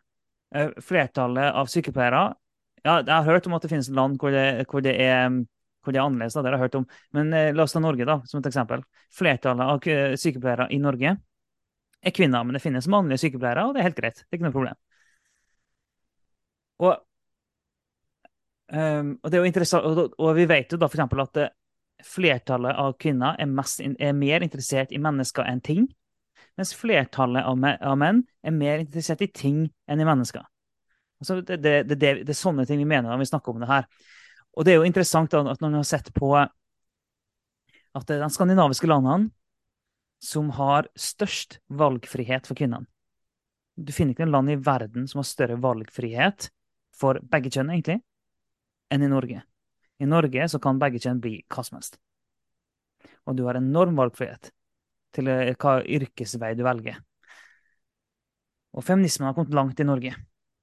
Likevel så ser du at det her i Skandinavia og i Norge hvor kvinnene har muligheten til å velge det de sjøl vil. Eller ikke bare kvinnene, altså begge kjønn har muligheten til å velge det de sjøl vil. Så følger de den såkalte stereotypiene. Da følger de sånn Ja, det er fortsatt flest kvinner som blir sykepleiere, f.eks. Fortsatt flest menn som blir ingeniører. Og det, det, det, er ikke, det, er ikke, galt, det er ikke dårlig eller bra. Det bare er. Det er bare for at okay, menn og kvinner får lov til å velge det de faktisk sjøl vil. Og, og da kommer jo da hvis vi skal prøve dette da, som kristne, og vi prøver dette på Bibelen, så kommer jo virkelighetsforståelse inn i bildet. Så når, når, man kommer med statistikken, og dette er ganske åpen, kjent vitenskap, som i seg sjøl er veldig usaklig å, å, være uenig med, altså da, er er man ikke på det saklige, logiske lenger. Denne forskjellen fins. Men så er jo spørsmålet hvor kommer denne forskjellen fra? Um, og en del feminister vil jo si det at nei, det er, det er sosialt konstruert. Eh, kjønnsrollene er sosialt konstruert. Det er kulturen, det er oppveksten, mm. som gjør at kvinner har mer lyst til å bli sykepleiere. Det, det, er kulturen som gjør det at menn blir hele tiden bekreftet fra de små til å være mer opptatt av ting. Det har med lekene vi kjøper til dem, det har med sånn og sånn og sånn. Så en del av feminismen har jo prøvd å bryte på dette. Ikke liksom eh, kjøpe rosa klær til eh, de små jentene og prinsessegreier, men prøve å endre på hva type leker de har, hva type liksom, kjønnsuttrykk de har. Um, og da har jo det med ideologien du har under, da. Vi som kristne vi vil jo si det at vi tror det er forskjell på menn og kvinner. Uh, fordi at Gud skapte oss til mann og kvinne. Så det finnes en biologisk forskjell, så det krasjer med den postmoderne greiene. Og at det ikke finnes en biologisk forskjell engang. Eller man vil gå helt vekk fra biologi. Um, men vi vil til og med dra det lenger ned og si at ja, men det finnes også forskjellige roller. Uh, og de rollene er koblet til hvordan vi er skapt. Uh, og vi vil være veldig på linje da med biologien. For vi tror at biologien bekrefter skaperordningen. Eh, så biologien, for eksempel, eh, snakker jo om forskjellige stoffer og forskjellige forskjeller på menn, og kvinner biologisk. Så òg psykologiske konsekvenser. For eksempel testosteron og østrogen. Der menn som har Husker du hva, hva var det Einar sa? Det var jo for så vidt først, forrige episode, så snakket vi om dette her da, på live. Um, men Einar sa noe ikke, mange... ikke forrige, men ja.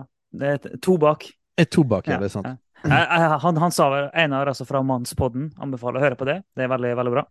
Eh, jeg tror han sa at eh, menn har tolv ganger mer testosteron, tror jeg han sa. Ja, og, og, nå er vi bare innenfor vitenskapen og biologien, og sånne ting, men, men testosteron får visse psykologiske konsekvenser og virkninger. Mm. Eh, og de konsekvensene de sammenfaller med forskjellen på menn og kvinner. Um, så testosteron, da har du Større driv i deg til å ta sjanser. Du blir mer voldsom, du blir mer eh, voldelig. Eh, mens østrogenet gjør at du blir roligere, og du blir mer eh, omsorgsfull, osv. Eh, mer konfliktsky. Så, så, til og med hvordan vi er biologisk, skaper en psykologisk forskjell på menn og kvinner. Eh, som er vanskelig å komme utenom. Og derfor kan ikke vi som kristne akseptere det at dette er kun sosialt konstruert. Vi ja. tror at det faktisk er guddommelig konstruert, at det er forskjell på oss. Ja, vi gjør det. Og på engelsk sånn så bruker han uttrykkene sex og gender. Der sex er liksom en referanse til det biologiske kjønnet, og gender til det sosiale kjønnet. Eh, og det, vi avviser jo det. Vi, vi mener at det, det, vi kan ikke snakke om sex og gender. Vi kan snakke om kjønnsroller, vi kan snakke om kjønnsuttrykk. Eh, det kan vi ikke, men ikke sosialt kjønn. Det kan vi ikke snakke om. Det går ikke. Det, det, det, går ikke. det krasjer helt med en kristen måte å tenke på. Men, eh, men, å snakke om uttrykk, det er helt fair. Ja, og det er helt greit at vi kan erkjenne det at forskjellige kulturer kan ha variasjoner i, kjønn, i, ja. i, i eh, kjønnsroller og uttrykk. Og vi, og, og vi ser ikke det som noe problematisk heller at det kan endre seg med tid. Men, men, men som en kristen så må vi sette en grense for hvor, hvor vidt og hvor flytende tenker vi at kjønnsuttrykk er. Fordi at det er noe som Vi kan ikke gå så langt som i postmoderne og si at det ikke finnes forskjell i det hele tatt. Vi kan heller ikke gå så langt som radikalfeministene og si det at kjønnsuttrykket er sosialt konstruert.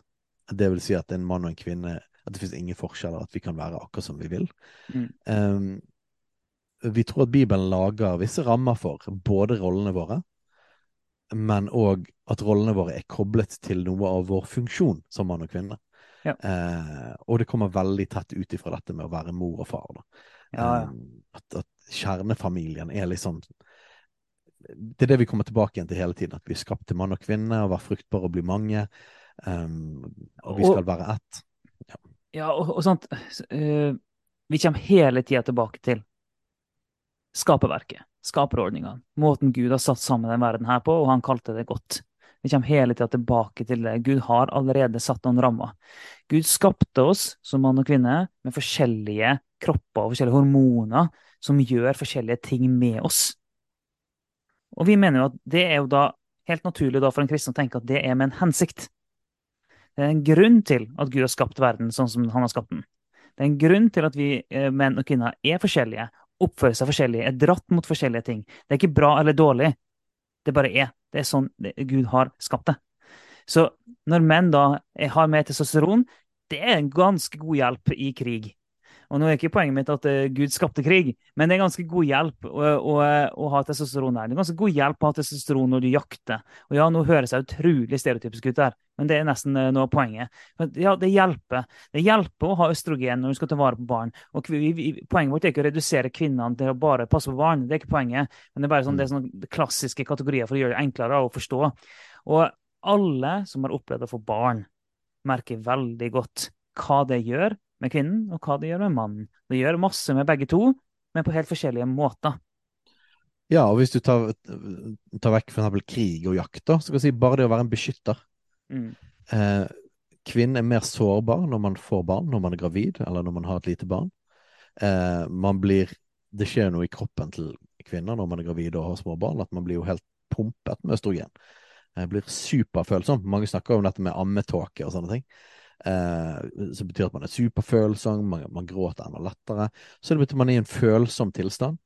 Mens, mens menn er jo da konstruert sånn at man, man kan beskytte bedre. Eh, og i, i, vårt moderne samfunn så er det jo kanskje litt sånn herre Disse tingene har, vi mindre bruk for, for vi er mindre sårbare. Mm. Eh, på grunn av velstand, og, og, vi lever veldig beskyttet på mange måter. Um, men vi tror at dette er en del av skaperordningen, en del av det Gud har lagd, og at det er godt, og at det er positivt, uh, og at det ikke er et mål å være like. Uh, men verdi, lik verdi, det kommer ja. fra, fra, skapelsen. Vi er skapt i Guds bilde, så det finnes ikke en som er bedre enn den andre. Uh, så det er en veldig tydelig kristen tanke. Mann og kvinne, lik verdi, like viktig, men forskjellig. Forskjellig skapt, forskjellig i funksjon, men òg da forskjellig psykologisk, eh, og forskjellig i hvor man dras hen. Og så finnes det et spekter innenfor menn og kvinner. At her er det forskjellige ja. personligheter. Og det kvinnekampen på en måte har gjort positivt, det at det har utfordret for trange eh, kjønnsrollemønstre. Det har utfordret for kraftige stereotypier. Som har gjort at eh, ja, det er positivt for menn, for menn òg er skapt eh, med følelser. Man er ikke skapt ufølsom selv om man har mindre følelser gjennomsnittlig. Men det at menn kan snakke om følelser og snakke om dypere ting, og ikke bare være overfladisk, klart at det er bra. Det er veldig positivt. Eh, større fokus på at damer òg er tøffe, mm. eh, og at damer kan fighte. Eh, denne Mama Bear-greien er jo en sånn typisk greie. At det finnes en del av skaperordningen, det òg. At, at, mødrene har òg en kjempetøffhet i seg. Um, fokus på at um, kvinners smerteterskel, eksempel, det var sånne ting som var tatt fram. Uh, alle mulige elementer om at, om at, damer kan Damer kan, damer er smarte. Eh, at det finnes òg en driv i kvinner til å arbeide, eh, og å kunne både være i arbeidslivet, ikke kun sitte hjemme og lage mat. Altså Det er masse sånne stereotypier som har vært positivt å utfordre og å utvide. Spørsmålet er hvor langt går vi i disse tingene? Um, ja. Og jeg tenker på um, vi, vi, slår oss slag for at vi eh, skal omfavne den vi er skapt som. Og egentlig sånn, Testosteron til mannen mann det er en superkraft. Østrogen for en kvinne det er en superkraft. Og vi skal omfavne det vi er skapt som, og det, det Gud har gitt oss. Um, og, og, mye kvinnekamp har gitt mye bra. Jeg er jo en av dem som um, er jo egentlig grunnleggende uenig i at eh, når det gjelder for foreldrepermisjon, så er jeg egentlig grunnleggende uenig i at staten skal bestemme hvordan familien skal bruke foreldrepermisjonen. Det mener jeg burde vært opp til familien, punktum. Når det er sagt, for det mener jeg prinsipielt, når det er sagt, så har menn veldig godt av å være med sine barn, og ha permisjon og være med sine barn men har veldig godt av det. Jeg bare syns det er for tidlig at, at, kvinnen må for tidlig ut. Det er egentlig det som er mitt problem. Jeg syns det, det, skjer for tidlig. Kvinnen, altså, mor burde fått lov til å være hjemme lenger. Uh, men når jeg tatt opp permisjon med mine barn, er det helt nydelig. Helt nydelig. Jeg er kjempetakknemlig for den muligheten. Og menn har godt av det. Menn har godt av å skifte bleie. Det er bare kjempebra, det. Og det er veldig morsomt når, når uh, vi besøker svigers. Så kommer gjerne uh, farmora da, til Ellen. farmor og farfar bor ganske nært. Så, men de pleier å komme innom når vi er der og vi er litt oppe hos dem og sånn. Nå i mange år, nesten hver gang når vi er der, og far, farmor og Ellen ser, uh, ser um, eh, meg og noen av de andre eh, som eh, driver og leker med ungene og skifter bleier og sånn, så kommenterer hun det at ja, det er fantastisk, liksom, dere er så involvert, og det er så fint og sånn. Men hun vokste opp. Det var bare ikke en greie i det hele tatt.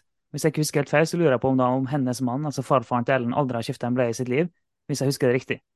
Og det, sånn, det er bra at det har blitt en endring på det. Ja, det har det. Og, og faktisk, det er en interessant ting da, at én konsekvens av feminismen har vært mer farløshet. Det vil si mye flere barn som vokser opp kun med sin mor, både på grunn av eh, at far forsvant, ikke tar ansvar, eller at man ikke engang kjente den personen man fikk barn med, men òg pga. skilsmisse. Så i, i skilsmisse så, så, er det ganske overveldende flertall av barna som bor med sin mor mm. i ettertid. Så det er konsekvenser av, av feminismen som, og den seksuelle revolusjonen som har vært veldig negativt i forhold til å ha far i livet sitt. Men så finnes det en annen side òg, en slags motsatt statistikk som har skjedd parallelt. Og det at i de familiene der man faktisk holder sammen, så er far mer involvert enn man, var før. um, så det har både vært en økning i farløshet, men det har òg vært en økning av fars nærhet. Uh, og den største forskjellen er da om du vokser opp i en kjernefamilie med en mor og far, eller ikke. Og det blir en ekstrem forskjell på det. Mens tidligere så var det mye færre som vokste opp uten far, men ekstremt mange som vokste opp uten at far var i nærheten. Ja. Det er sant. Så du hadde en far teknisk sett, og, og, jeg tror det har en effekt. Jeg tror det hadde en effekt i forhold til en stabilitet og en styrke og en identitet og en ramme som var der likevel. Men, men fars nærhet eh, er noe utrolig positivt som har skjedd. Og, og det må vi gi feminismen eh, for. At de har vært drivere inn imot en, en eh, endring i fordelingen mellom, mellom måte involveringen i forhold til mann og kvinne. Og, og jeg, jeg, tror at det er en del av skaperordningen òg. Jeg tror det at ja, selv om vi er mer kantete og mer piggete, og det er ikke like behagelig for en baby å bli klemt av pappa, eh, så er det noe utrolig positivt for barnet å oppleve nærhet og tilstedeværelse av far. Um, så her finnes det både positive og negative effekter, kan du si, av feminismen. Mm. Uh, men på mange måter ser det ut som vi har gått fra en grøft til en annen grøft, og der vi nå ser det at uh, Jeg har rantet litt om det før, men, men spesielt i populærkulturen og i filmer og serier og sånne ting, så ser du det at mannsrollen er blitt veldig svak, da. Uh, og det er blitt en sånn femininisering av mannen, eller på en måte litt sånn tøffelhelt-greien, da. Um, som nesten noen gang kan peke til en slags mannsforakt, eller en at vi har ikke mm. bruk for menn i det hele tatt. Eh, og den er jo kjempenegativt, og den er jo òg veldig negativt for Og du kan se til og med det òg nesten med yngre, jo yngre par med barn man ser, da ser du at det liksom Ja, fars tilstedeværelse, men det jeg òg merker, er det at mindre Mindre tøffe fedre som tør å sette grenser og tør å fylle mannsrollen kraftigere, og veldig ofte ganske Er det lov til å si det? Dominerende mødre. Mm. Eh, dette er noe som Katrine og mammas hjerte og sånn har vært en del inni, og vi har snakket litt om dette med mamma step down og pappa step up eh, i forhold til involveringen i familien og barna og sånne ting. Eh, så, så her er vi begynt å gå inn i, spesielt med yngre folk, da, vil jeg si at det har tippet over andre veien igjen. Eh, der du nesten sånn, du har mann til stede, men du har ikke en maskulin mann til stede. Så du begynner å tappe egentlig familien for for det klassiske mannsbildet likevel, selv om man er til stede. Ja. Så hvis du, eh, hvis du er um, Hvis du anser deg sjøl Hvis du hører på det her, og du anser deg sjøl som en kristen feminist Det kan det være noen som gjør. Så må du iallfall tenke gjennom hva du mener med feminist. Hva, hva, er det du tenker når du tenker på feminisme? Uh, og det er jo en grunn til at, at vi er uh, vi, Ofte når vi snakker om feminisme, så snakker vi om det en, uh, med et kritisk blikk. For vi mener at det har skeia veldig ut. både på grunn av, altså, mye pga. de ulike greinene som går, krasjer veldig med en kristen tankegang. Og som vi sa, at Den liberale feminismen er nok den som er enklest å forene. med eh, kristen eh, tenkning, men den krasjer, den òg. Så når vi skal snakke om eh, Hvis du anser deg sjøl som en kristen feminist, må du iallfall ta på bibelske briller. Og så må du se OK, hva mener jeg med feminisme? Med, og, og, ta litt sånn sjølkritisk blikk på det.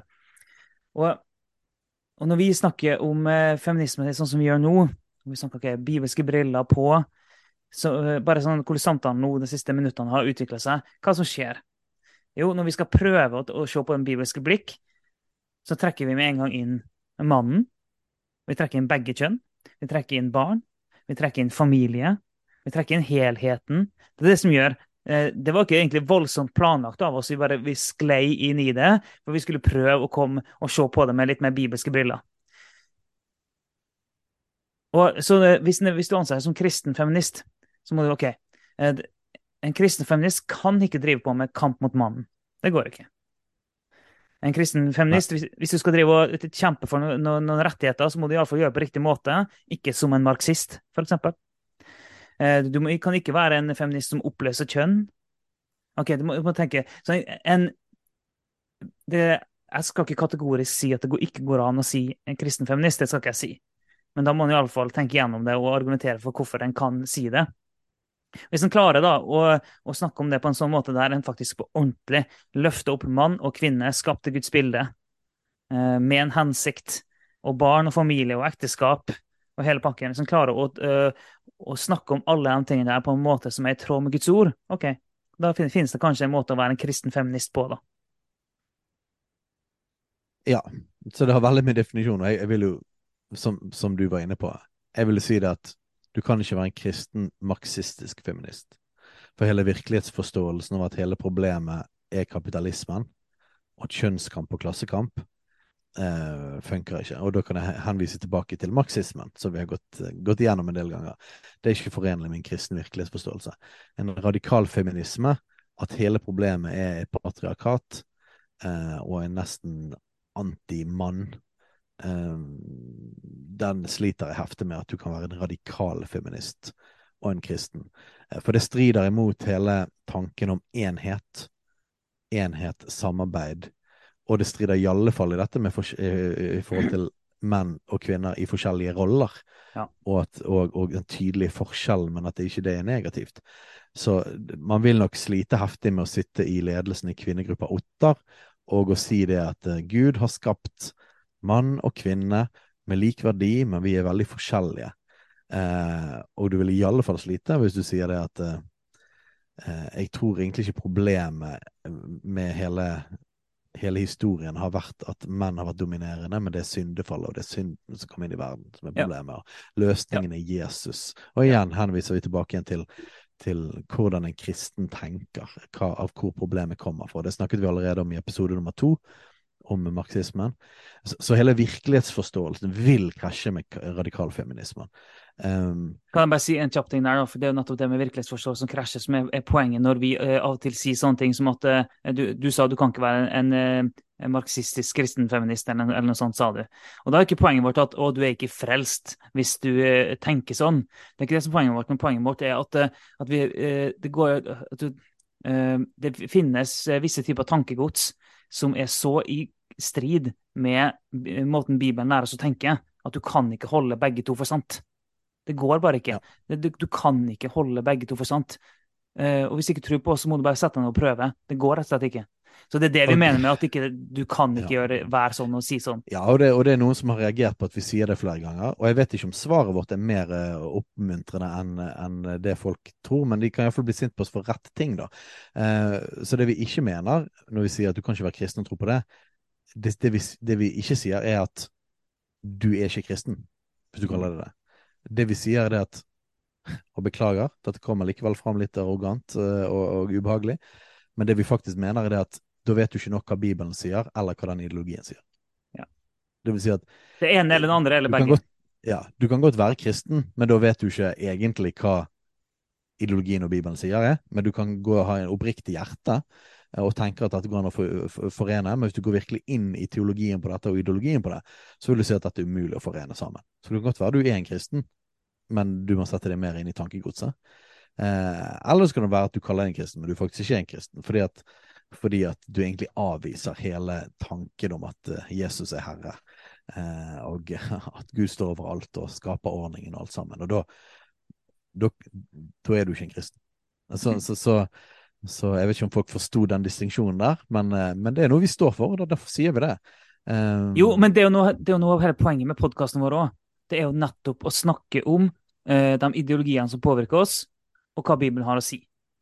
Så, så podkasten handler jo om den krasjen i virkelighetsforståelse. Og den handler om hvordan vi kan bli være fundamentert i en kristen virkelighetsforståelse. Ja, og vi, og vi mener å kunne snakke på vegne av klassisk kristenhet i brei forstand. Mm. Eh, ortodokse kristne vil være enige med oss, tror jeg, ganske på, på det vi snakker om i denne podkasten.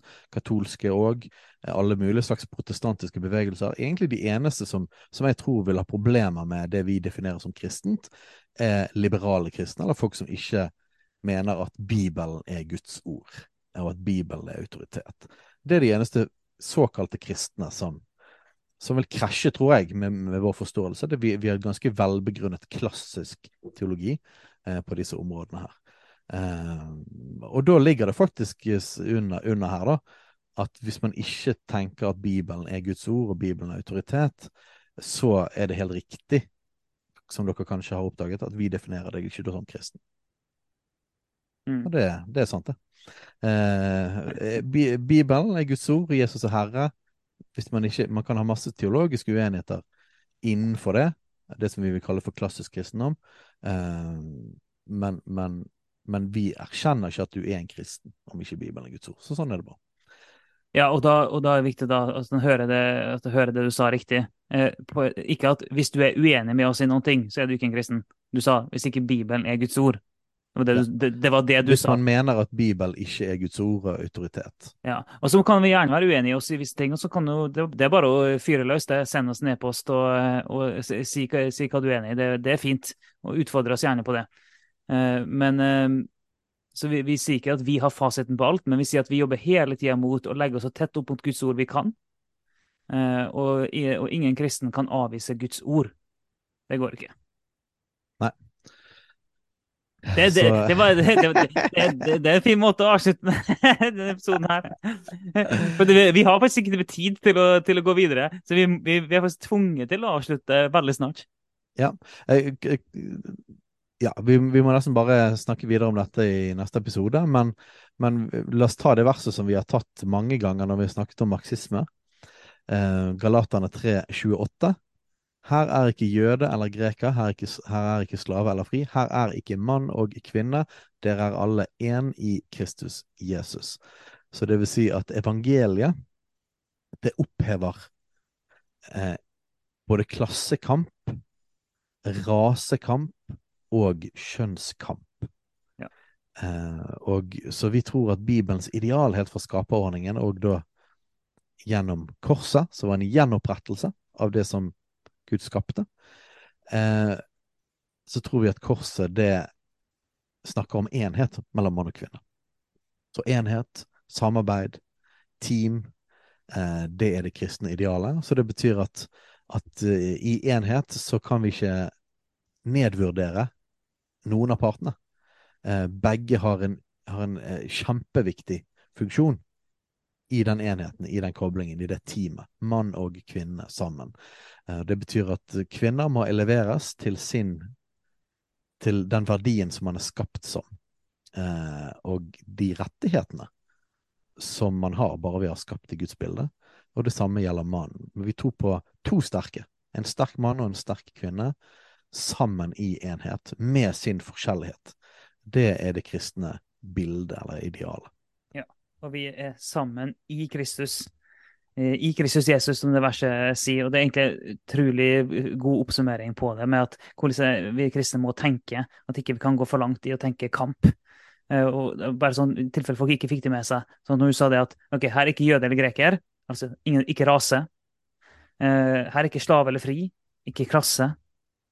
Her er ikke mann eller kvinne, ikke kjønn. Men vi er alle én i Kristus Jesus. Poenget er ikke at det ikke er ulike ting, men det er ikke en kamp mellom det ene eller det andre. Vi alle forenes i Kristus, Jesus. Det er den kristne måten å tenke på. Så vi tror igjen løsningen finnes i personen Jesus. Mm. Friheten finnes i personen Jesus. Evangeliet er det som skaper denne enheten. Evangeliet tar bort undertrykkelse, eh, og det eleverer individer. Mann og kvinner eller alle mulige slags andre varianter. Eh, og minoriteter av mennesker. Og gir det status, gir det verdi.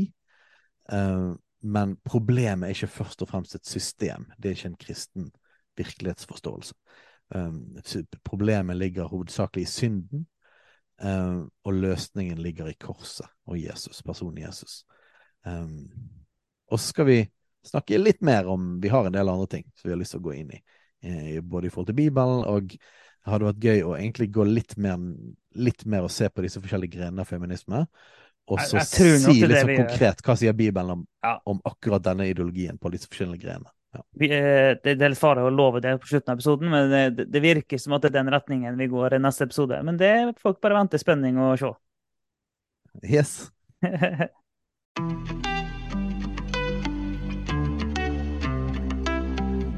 Takk for at du lytter på Kulturkrigen.